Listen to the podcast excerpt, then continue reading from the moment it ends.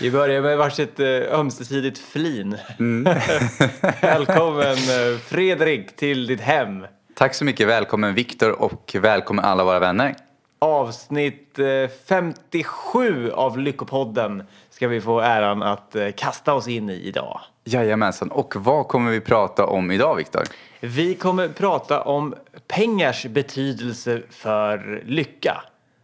Och vrida och vända på det. Och det blir spännande. Det är kul också känner jag nu när vi sitter här och trycker på rec att, att vi är tillbaka. Det var, det var länge sedan som vi spelade in en helt vanlig podd.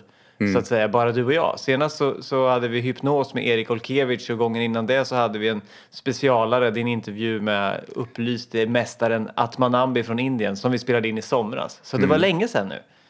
Ja, verkligen. Gud vad fort tiden går. Om nu tiden finns, men... Ja, precis. Det är ett annat, ett annat program. Det har vi pratat om. Om nu pengar finns också har vi pratat om. Men nu idag så ska vi prata så, som, som att de finns. Eh, och, och, och vilken, vilken betydelse de kan ha. Hur, hur kan de spela in? Eh, hur kan de underlätta eller hur kan de, brist då kanske på pengar, försvåra vår, vår väg mot eh, inre frid och ett lyckligare liv?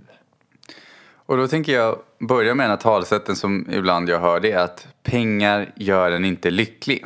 Mm, det har man ju ofta hört. Och då vill jag lägga till att eh, nej, men det har aldrig varit meningen att det skulle göra det heller. Alltså därför, ska jag säga, argumentet blir lite absurt för pengar gör en inte lycklig. Nej, men det har aldrig varit poängen med pengarna heller. Utan det som pengar gör det är att det bidrar till våran trygghet. Mm.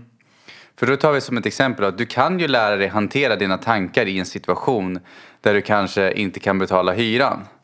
Men genom att om du har pengar till att betala hyran, till att betala dina räkningar, eller ja, till och med till att kunna göra en, mer än så. Man vill ju inte bara kunna täcka sina räkningar.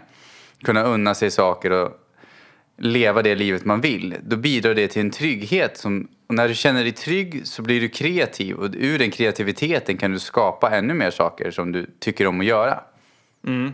Så man kan ju säga, det finns ju massa sådana undersökningar hur, hur pengar spelar in på lycka och de, de brukar ju, summan av de här brukar ungefär vara att, att när vi har täckt våra basbehov och kan göra det vi, eh, de aktiviteterna som vi önskar för att, eh, som vi förknippar med att må bra, då upp till, till den nivån spelar faktiskt pengar eh, en ganska stor roll i det allmänna välbefinnandet hos gemene man. Sen finns det ju förstås människor som, eh, som har kommit så långt i sin inre utveckling att de, eh, att de faktiskt kan behålla samma trygghet utan pengar.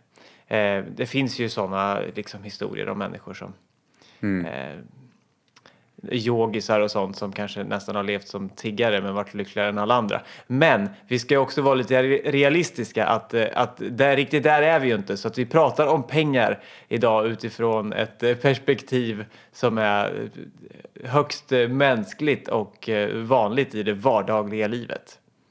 Jag är i alla fall inte där att jag helt är oberoende av pengar för att eh, känna mig lycklig. Utan det, det finns, eh, om jag skulle ställas utan allting så skulle jag vara mindre bekväm med det än vad jag är när jag har så att jag kan betala mina räkningar. Ja, och jag tänker just det här att jag vill ju också i det här samtalet få bort att det är fult att tjäna pengar. Och det är, alltså för att jag vet inte, det, jag upptäckte ibland när jag pratar med människor och sånt också att jag upptäcker att det finns en del människor som tycker det är fult att tjäna pengar och det är fint att vara fattig. Och där vill jag liksom sudda ut det här att ja, det är varken fint att vara fattig och det är varken fult att tjäna pengar. Allting bara är som det är. Frågan är ju snarare utifrån vilken energi man bidrar till det. Alltså, självklart utnyttjar du och rånar människor, ja, då är det. Men om du gör på ett sätt så att du skapar någonting som ger värde för en annan människa. Vi gör som ett exempel, det är någon som har skapat mikrofonen vi pratar i just nu. Som, bi, som ger ett värde till oss. Då vill vi ge, ge dem pengar. Det är precis som jag går till ICA och handlar ekologisk mat. Då är det ju någon som har ordnat den maten. Då vill ju jag ge någonting tillbaka som tack för det jag får. Det värdet jag får. Och då tycker jag att det är vad det är ska man säga. Och för pengar är ju egentligen från början ett, ett medel för byteshandel. Ett, ett smidigare sätt. Så det är ju det vi gör hela tiden. Vi byter ju pengatransaktioner mot tjänster, tjänster eller varor eller, eller sådär. Så, att, så pengar på det sättet är ju inte så laddat. Sen är det intressant det här att, att eh, en del som har pengar tycker att det ser ner på de som inte har pengar och en del som, som inte har pengar ser liksom ner på de som, som har pengar. Men det ser jag som ett eh, att vårt ego funkar så. Att vi, vi försöker göra det bästa av den situationen vi har. Och om jag då inte har pengar då känns det kanske lite bättre för mig i stunden att eh, säga att de där, de där rika snubbarna som, som bara ska ha allt, det är några riktiga stroppar liksom. För att det känns ofta skönt att projicera ut sin, sin ilska eller frustration på, på en annan grupp. Och om man då har mycket pengar, då kanske man har någonstans lite dåligt samvete, vad vet jag, det kan vara så. Eh, mot att, eh, att det är orättvist kanske man tycker att här får jag precis allting och så finns det massa som inte har pengar. Och då är det lättare att säga att eh, när man blir påmind om det varje dag när man ser tiggarna utanför mataffären, då kanske det är lättare att säga att vi borde förbjuda tiggeri. Mm. För att då projicerar man det utåt. Men då tror jag det kommer så, om du har pengar och känner så, då är det ju för att någonstans du har pengar fortfarande en uppfattning om att det är fult att ha pengar. Förstår du vad jag menar? Ja, precis. Att det finns där, det finns där undermedvetet. Och, och ofta om man då har lite pengar och identifierar sig som fattig så, så har man någon form av undermedveten känsla av att det också är fult att vara fattig. Mm. Och då behöver man så att säga försvara sig genom att säga att de där rika stropparna, det är minsann inte bättre det. Så att allting ligger ju i att man då har en, vare sig du tillhör det rika lägret eller det fattiga om vi nu kör de här tydliga jämförelserna och de flesta är någonstans mitt emellan. Att vara fattig är inget fel och vara rik är inget fel. Alltså det är, inget, det är inte bättre eller sämre. Det är, Nej, det är som här... varmt eller kallt vatten. Liksom. Det är bara olika, olika temperatur. Det är mm. inte bättre eller sämre. Eh, men så vare sig man har det här liksom behovet av att projicera någon form av ilska, skuld, irritation mot det lägret som man, som man inte tillhör så, så betyder det att man inte är helt bekväm i ämnet som sådant. För då skulle det inte finnas ett behov av att klanka ner eller klanka upp. Jag brukar till och med använda som hjälpmedel om jag kommer på mig själv att kritisera någon annan för någonting. Eh, så brukar jag påminna mig själv, oj oj, akta dig för de där tankarna liksom. Tillbaka till att Nej, men istället, då brukar jag ge dem komplimanger i mitt huvud liksom, och berömma dem. Um, för att jag, det, då kommer jag på mig själv att det är ego som är där inne. Och så länge jag dömer någonting så är det jag som mår dåligt för det. Mm. Och det, det, har jag märkt också att det finns ju fördom att du kan inte ha... Ja, men när man växer upp så får man ju vissa höra liksom så att men jag väljer hellre kärlek än pengar.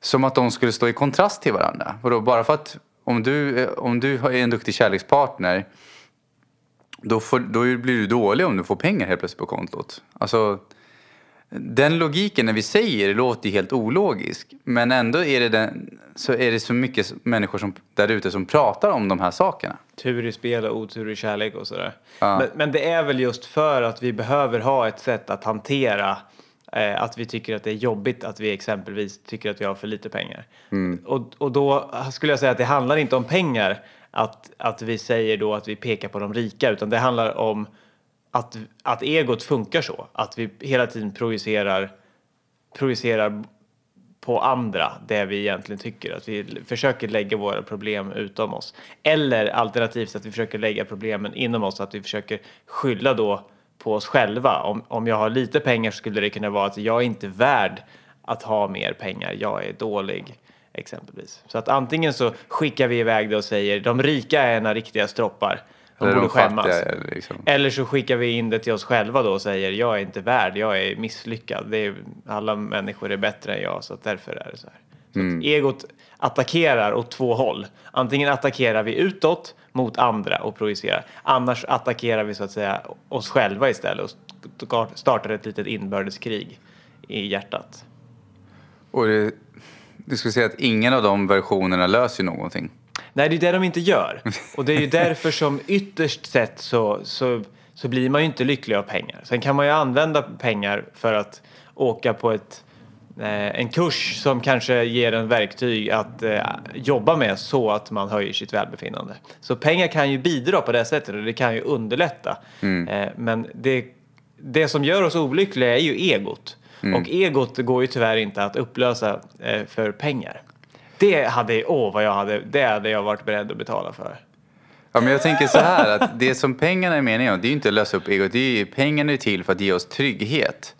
Och att vi kan anförskaffa exempel, ja, men låt säga så här, om en person inte ens har råd att åka, till exempel som du var i Sri Lanka, även om det var ett gratis retreat. Det finns ju många människor som inte har råd att åka dit. Ja visst. Och på så vis så ger ju pengar ändå en förutsättning som kan underlätta för en att bli fri från egot. Alltså det är precis som det finns ju så här Vipassana här i Sverige. De är ju gratis. Men alla har inte råd att åka bort en vecka eller två. Just det, de här Utan att, inkomst... ja. ja, precis, utan att inkomsterna kommer in. Så på så vis så bidrar ju ändå pengar till en trygghet som gör att du får större frihet till att vara kreativ och göra saker som gör att du kan öka din medvetenhet. Som i sin tur gör, när du ökar din medvetenhet så ökar din lycka. Jag kan tänka mig att, att pengars betydelse den, den eh, skiftar säkert lite. Att, att I början för de tar de första stegen så kanske, kanske pengar är viktigare. Att kunna ta den där liksom lediga helgen för att åka på, på ett retreat, en kurs någonstans eller för att kunna köpa de där böckerna eller sådär. Och sen kanske ju längre ju längre vi kommer på vår medvetenhetsresa så, så blir vi, eh, min erfarenhet i alla fall, mer, mer skillade, rustade till att använda vilken situation som helst i livet till att öka vår medvetenhet och därmed öka vår, vårt välbefinnande ytterligare också. Så då skulle det kunna vara så här att jag har ett jobb som jag inte har råd att ta ledigt från och åka på retreat. Hur kan jag använda eh, den vardagen som jag har redan idag för att öva på att eh, lösa upp egot där istället. Och då blir jag ju mindre, mindre beroende. Jag, jag vet, för mig själv så om jag har en liten, en jobbigare period där egot är mer intensivt och, och den där inre rösten tjattrar en massa jobbiga tankar. Då, då blir jag direkt så här att shit, jag är beredd att göra vad som helst för att, för att släppa det här. Jag är, nu vill jag åka, nu, nu tar jag ledigt, nu, nu drar jag till Sri Lanka eller nu åker jag på en sån här tio dagars meditationskurs eller någonting. För jag är liksom, jag har sånt driv att, eh, att lösa de problemen så då bara okej, ge mig tystnad så ska jag lösa ut den här skiten. Jag tänker inte fly liksom. Eh, men, och det, då kan man då säga att anledningen till att jag kan göra det är ju för att jag har råd att, att åka iväg på sådana här saker. Men det kan också vara lite av en en egolösning där också. Att, att mitt ego säger att du måste åka iväg för att lösa de här problemen. Bara för att jag har haft bra upplevelser på retreat förut så när jag då är otillfredsställd i nuet då är det som att då, då är det en del av mig som skriker åk iväg och gör någonting åt det här. Och det låter ju jättebra att jag är redo att ta emot de problemen jag har och att möta dem och sådär. Men ibland kan det vara tvärtom att den största utmaningen kanske är att inte åka iväg när jag känner så. Och att fortsätta precis som jag gör. Och så kan det faktiskt vara för, för andra också. Och någon som sitter och lyssnar där som känner så här att ja, men jag skulle vilja åka iväg på ett tio dagars Vipassana meditationsläger men jag kan inte göra det. Jag kan inte få ledigt från jobbet eller jag kan inte lämna barnen eller vad det nu skulle kunna vara. Men det går ju, det går ju att hitta sätt att arbeta med sig själv tio minuter om dagen som inte kräver ett Vipassana-läger. Precis. Jag tror det han, alltså, jag skulle säga så här, pengar ger en förutsättning, en trygghet som gör att du får ett val. Men att det fortfarande gäller att, det handlar fortfarande om medvetenhet, att vara närvarande i sina tankar och känslor. För liksom, så länge jag måste bort någonstans, det är ungefär som att jag måste bort på semester. Jag vill komma bort från Sverige. Då brukar jag alltid tänka så här, fast det är ju det är ju våra tankar kring vad vi har i Sverige som vi inte mår bra av. Och de är ju inom oss. Så även om vi åker på semester så blir det ett tillfälligt plåster som inte löser saken. Det kan vara skönt tillfälligt men det är inte det som är grundgrejen. Men däremot så brukar jag se det som en väldigt positiv sak att om jag väl är ändå hemma i Sverige så behöver man ju inte lägga på en sak till att oroa sig för. Om du har en person som bor här hemma och bestämt sig för att okej, jag ska reda ut min medvetenhet då behöver man inte lägga på att nu ska de oroa sig för pengar här hemma också. Det kan Mm. man ju använda fortfarande som ett hjälpmedel för att lära känna sig själv. Men jag gillar ändå att ha den tryggheten, för den tryggheten kan bidra till kreativiteten. Mm. Mm, absolut. Och där vill jag då lägga till att när vi växer upp så formas vi väldigt mycket av vår omgivning, speciellt mellan 0 till 7 år. Och som Erik Olkevich som pratar om hypnos sa att vi formas till och med tills, tills vi är 23 år. Ja, intressant. Jag Men jag tror, den, jag tror fortfarande den största utvecklingen är mellan 0 till 7 år. Ja, det, det skulle nog han hålla med om också. Verkligen. Eh, och då formas vi av vår omgivning för vad vi får lära oss att det bästa sättet att tjäna pengar är att jobba hårt, eh, skaffa ett jobb, skaffa en bra utbildning, att vara smart och alla de här sakerna.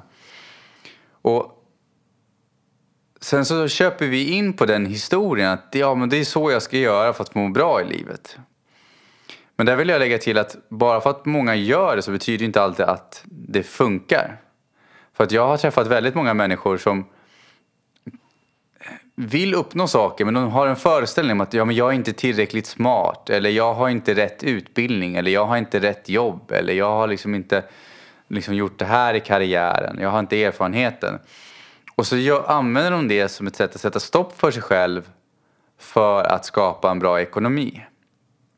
Och det jag själv har upptäckt som jag nu, speciellt nu på sistone, är extra engagerad i och även delar med mig av är att så länge, det har jag fått själv träna mig i, att så länge vi tänker att jag byter tid mot pengar, då har vi en begränsning i, för vi har 24 timmar på dygnet, ja, som vi har bestämt, jag vet inte vem som kom på det, men ja, på dygnet som vi, i den uppfattningen som vi lever i just nu. Vi har ju ett helt program om vad det är tid, men det är en ja, annan ja. femma. Ja, men den uppfattningen som vi lever i just nu, Ett dygn. Vi kan nog komma överens om att vi har 24 timmar. Vi Ja. säger det va? Ehm, och så blir det så att vill vi skapa en bättre ekonomi och vi bara tänker tid mot pengar. Jag menar på att det är inget fel att göra det också. Men om man bara tänker så, då är det begränsat. Det betyder liksom att om jag vill ha någonting mer, då måste jag jobba fler timmar på dygnet. Alltså jag får mindre tid med mina kompisar, jag får mindre tid med mig själv, jag får mindre tid, ja men alltså liksom, det blir mindre av det du vill ha. Och det värsta är, okej om du går till ett jobb som du älskar, men en del människor älskar ju inte sitt jobb, de går ju bara till jobbet för att få pengar. Att då istället fokusera på, alltså det är ett av sätten att tjäna pengar, det är att byta tid mot pengar. Men för att komma långt då så blir det ofta så att vi begränsas.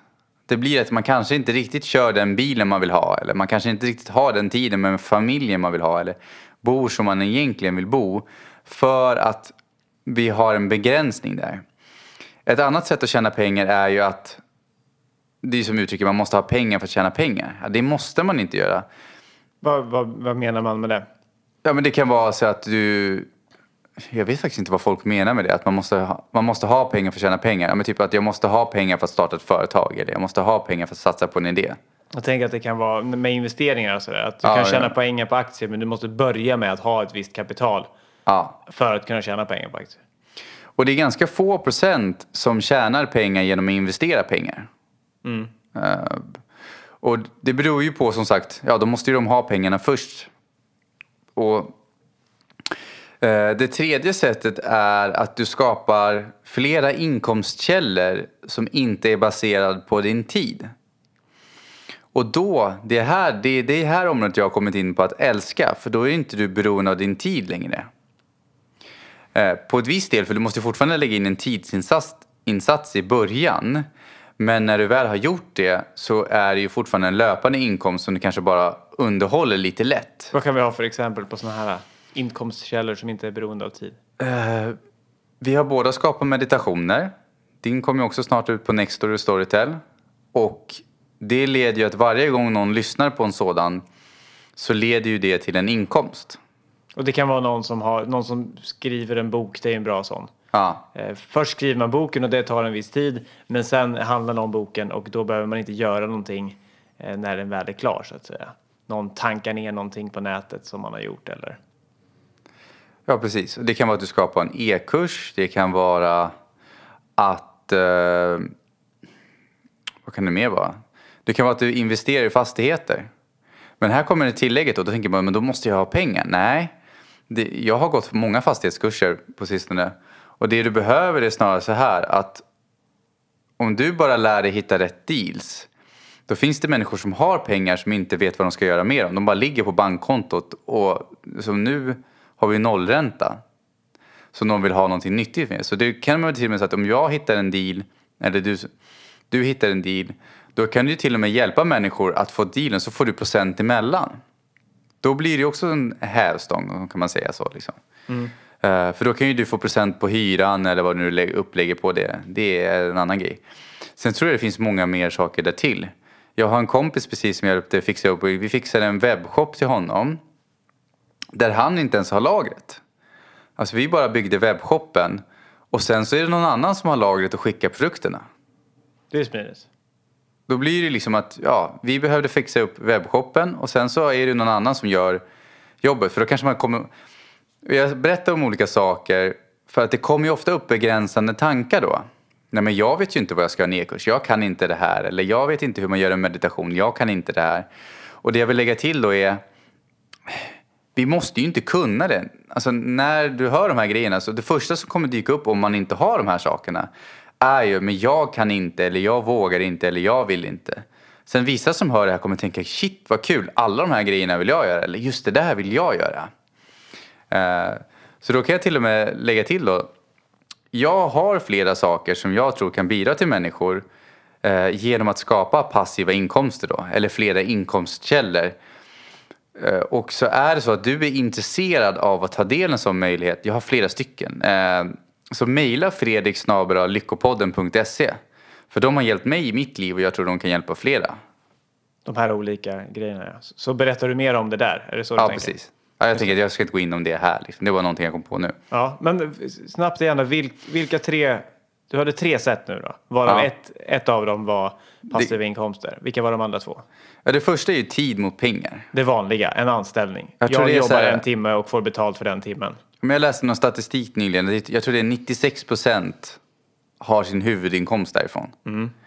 Eh, och det andra är pengar mot pengar. Pengar mot pengar, det är investeringar. Ja. Typ, jag köper aktier och tjänar pengar på mina pengar. Och jag tror det var tre av hundra som har sin huvudinkomst därifrån. Ja. Eh, och sen så har du, alltså flera inkomstkällor ger pengar. Just det. Alltså du bygger upp din tid. Där tror jag bara en procent. Ja, om det var 96 på den första och 3 på den andra så finns det bara en procent kvar. Ja, då, jag tror det är bara en procent. Men det roliga, de sista fyra procenten, alltså de 3 plus en, de tjänar 96 procent av världsekonomins pengar. Just det. Så att det blir liksom att 96 procent delar på 4 procent av pengarna. Och 4% delar på 96% av pengarna. Det blir ju ja, omvänt ju. Liksom. Så, så med, med det så tydligt uppdukat i två alternativ så får man helt enkelt se ett, vilken, eh, vilken sida tillhör jag idag? Mm. Eh, två, vilken sida skulle jag vilja tillhöra? Tre, vad kan jag göra för att byta sida? Ja. Och det finns ju, det, ju, när vi beslutar oss för att hitta möjligheterna Grejen är så att om, låt säga så här, om jag vill ha mer ekonomi, alltså det, ja men jag som jag har kom, kompisar liksom, ja men de vill tjäna mer pengar. Som ett exempel för de vill dryga ut kassan eller ja, det finns ju massa olika anledningar. Om man bara letar efter, alltså det blir ju vad man letar efter. Om de letar efter bara efter ett extra jobb, ja men då kommer ju de hitta ett extra jobb till slut. Det är ju ungefär som att om första dagen de kommer på, men gud, jag vill dryga ut ekonomin, jag vill ha mer pengar de, det är ju inte så att de får svaret direkt. Alltid. Det är så okej, okay, jag behöver ett extra jobb som ett exempel. Hur ska jag hitta ett extrajobb? Och då blir det ju, då lägger de ju på fler timmar på sin dag. Alltså det suger ju både av deras energi och alla de här sakerna. Men om man istället beslutar sig för att okay, jag ska hitta sätt att skapa passiva inkomster.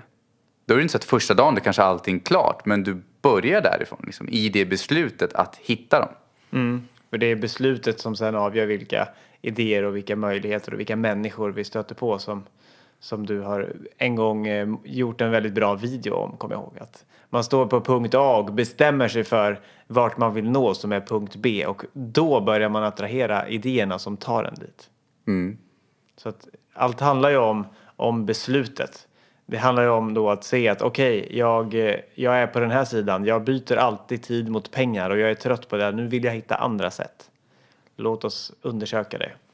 Och, och där är väl en viktig nyckel som vi brukar prata om att ha, att ha tillit då till att, eh, att det faktiskt går. Även om vi på första minuten när vi kommer på nu ska jag byta, byta inkomstsida i den här modellen kanske det inte dyker upp, men att om vi sår de fröna så, så kommer vi stöta på saker och vi kommer få syn på saker som kan ta oss till, från, från punkt A till punkt B. Och det jag vill lägga till då som jag brukar rekommendera som huvudfokus, det är inte att bli miljonär. Det är inget fel på det heller, kan de bli. Men det är att skapa en förutsättning för att ersätta sin nuvarande inkomst. Alltså det vill säga att Ja, men tänk för någon som kanske vill ha mer tid med barnen och bara kunna gå ner till halvtid utan att behöva tumma på sin ekonomi. Vilken frihet det kan, vilken skillnad det kan göra för den familjen. Eller du vill ha någon som vill åka mer på semester och då behöver de kanske kan ta två veckor extra ledigt per år. Eh, även där gör det en skillnad. Liksom. Mm. Och att, precis som den här undersökningen som du pratade om, att det påverkar ju upp till en viss nivå. Men när vi inte är beroende av våran tid längre eh, så upplever jag att det blir mycket tryggare i vardagen. Mm. Vad tror du mer finns för förutfattade meningar kring, alltså, kring just ekonomi? Varför tror du, på vilket sätt tror du pengar kan få folk, eller det är inte pengarna i sig, det är vår attityd till den, kan få folk att må dåligt när de försöker anskaffa det? Ja, alltså det jag det jag tänker kring pengar är att vi ofta har tydliga bilder av om vi tycker att det är lätt att skaffa pengar eller svårt att skaffa pengar och att det sen avgör om det blir lätt eller svårt.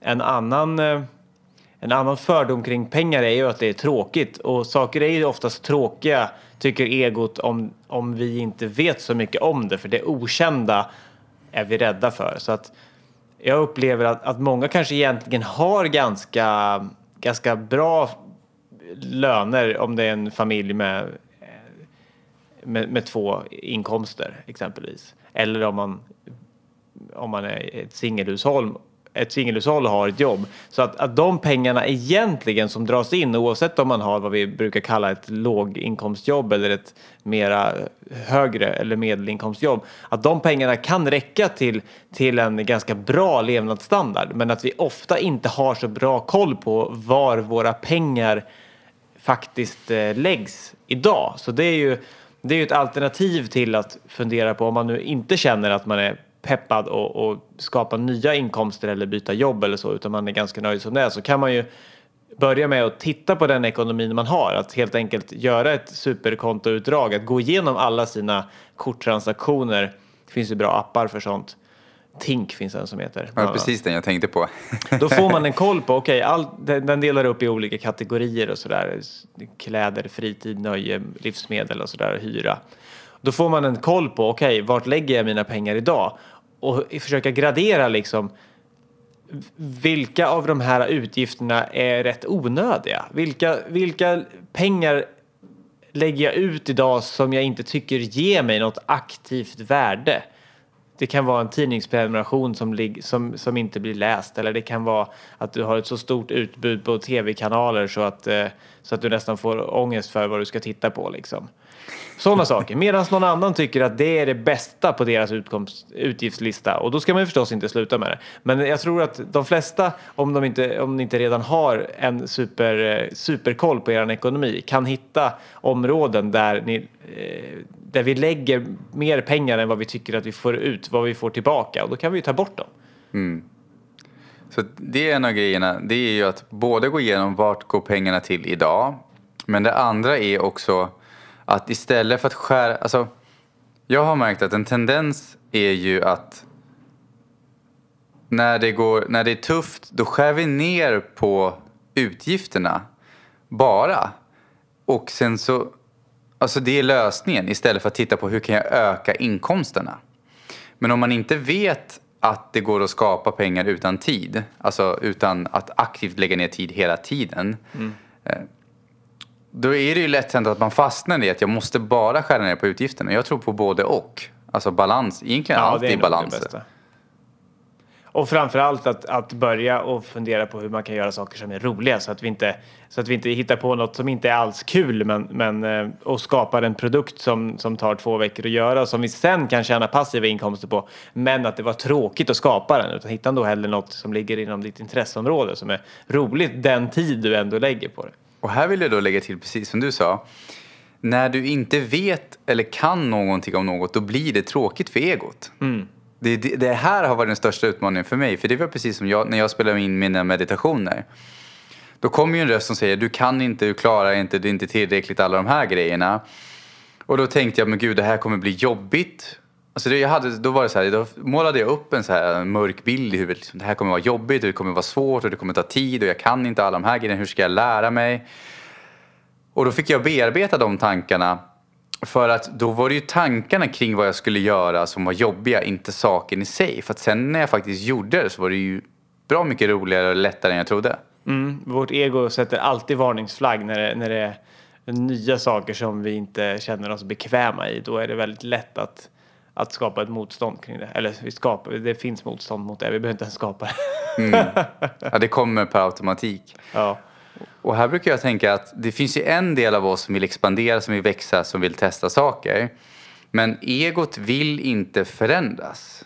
Alltså det vill, det vill gärna behålla saker precis som det har varit.